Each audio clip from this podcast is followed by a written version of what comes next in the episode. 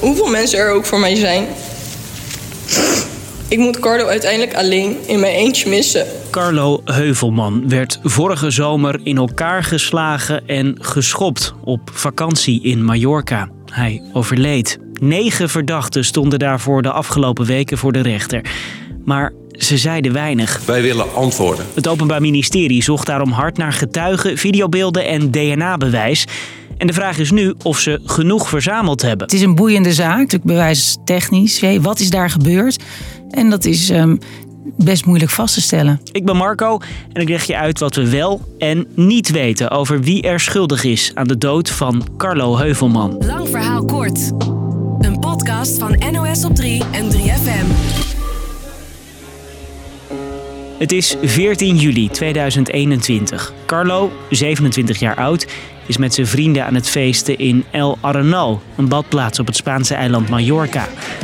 Maar de sfeer in die badplaats is niet alleen maar feestelijk. Die nacht zijn er op verschillende plekken vechtpartijen.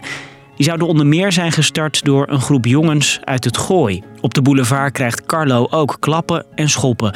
Volgens ooggetuigen lijkt het alsof hij plots wordt aangevallen. We zagen een jongen liggen, lag op straat met uh, drie politieagenten om hem heen. Die hadden voor mij eerste hulp uh, verleend. En toen dachten we, ja, nu is het echt serieus. Carlo valt op de grond en krijgt dan nog een aantal trappen na tegen zijn lichaam en hoofd. Onze correspondent Rob Soutberg sprak met ooggetuigen. En die zeiden dat het allemaal heel snel gebeurde. Een minuut, anderhalve minuut en toen was het alweer voorbij. Toen waren de aanvallers weggerend. En het enige wat ik nog zag was die jongen die daar op straat lag in een plas bloed. Carlo belandt in het ziekenhuis met hersenletsel. Zijn artsen vertellen zijn vader dat ze niet vaak zulke heftige verwondingen tegenkomen. Vier dagen later overlijdt hij. De groep Gooise jongeren wordt een paar weken later opgepakt. Negen jongens uit Hilversum, allemaal 18 of 19 jaar oud.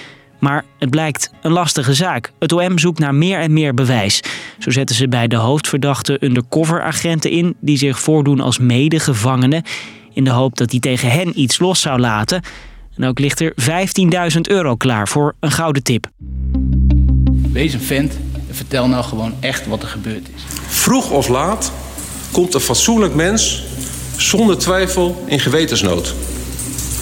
Wees dat voor en spreek je uit. In de rechtszaal de afgelopen dagen klinkt van de rechter en de vader van Carlo de oproep aan de verdachte om te gaan praten.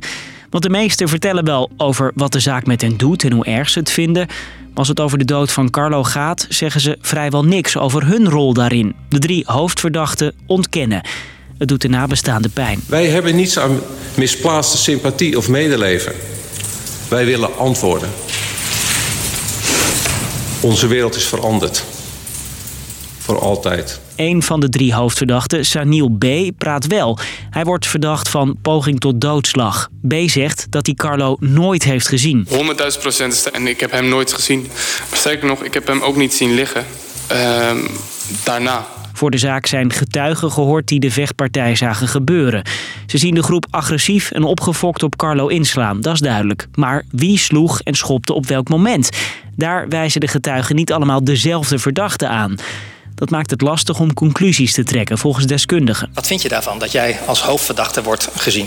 Ik vind dat heel vervelend, want ik weet heel goed wat ik heb gedaan. Dus ik weet ook heel goed dat ik daar niet bij ben geweest. Wat ook lastig is, er zijn geen beelden van de fatale schop.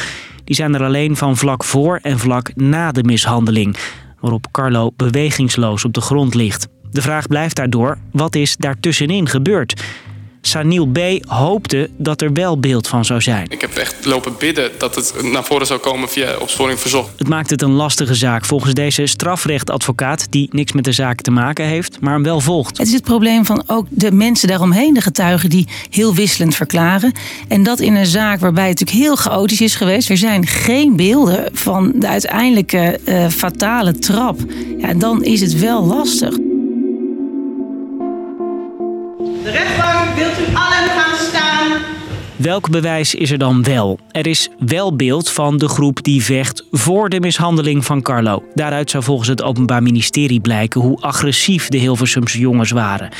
Ook door wat getuigen hebben verteld. En het is dan ook met recht te betitelen als een ware geweldsexplosie. Een van de hoofdverdachten, Mees T., zei tegen een psycholoog dat hij een van de mooiste drie klappen ooit uitdeelde die avond. Daarnaast is er DNA van Carlo gevonden op de schoen van de hoofdverdachte die je net hoorde, Sanil B en zijn telefoongesprekken uitgelezen en afgetapt. En dat alles bij elkaar maakt dat wij vinden dat er maar één conclusie mogelijk is.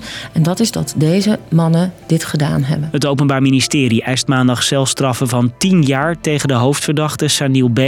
en 8 jaar tegen de andere twee hoofdverdachten. Daarbij neemt het OM ook mee dat de verdachten hun mond hielden. Dat nemen we ze ook zeker kwalijk. Verdachten zeggen te schrikken van die eis. Ook omdat de eis gebaseerd is op iets wat ik helemaal niet heb gedaan. Tegen de andere vijf verdachten wordt een veel lagere straf geëist. En één verdachte zou volgens het OM vrijgesproken kunnen worden. De advocaten die gaan hier nog op reageren. En dan komt de rechter midden november met de uitspraak. Dank u voor uw aandacht. Dank u wel. Dus, lang verhaal kort, de zaak rond de dood van Carlo Heuvelman is qua bewijs ingewikkeld. De fatale schop staat niet op beeld en verdachten houden hun mond. Toch zegt het OM dat er genoeg bewijs is dat de drie hoofdverdachten met de dood van Carlo te maken hebben. Dat was de podcast weer voor nu. Dank voor het luisteren.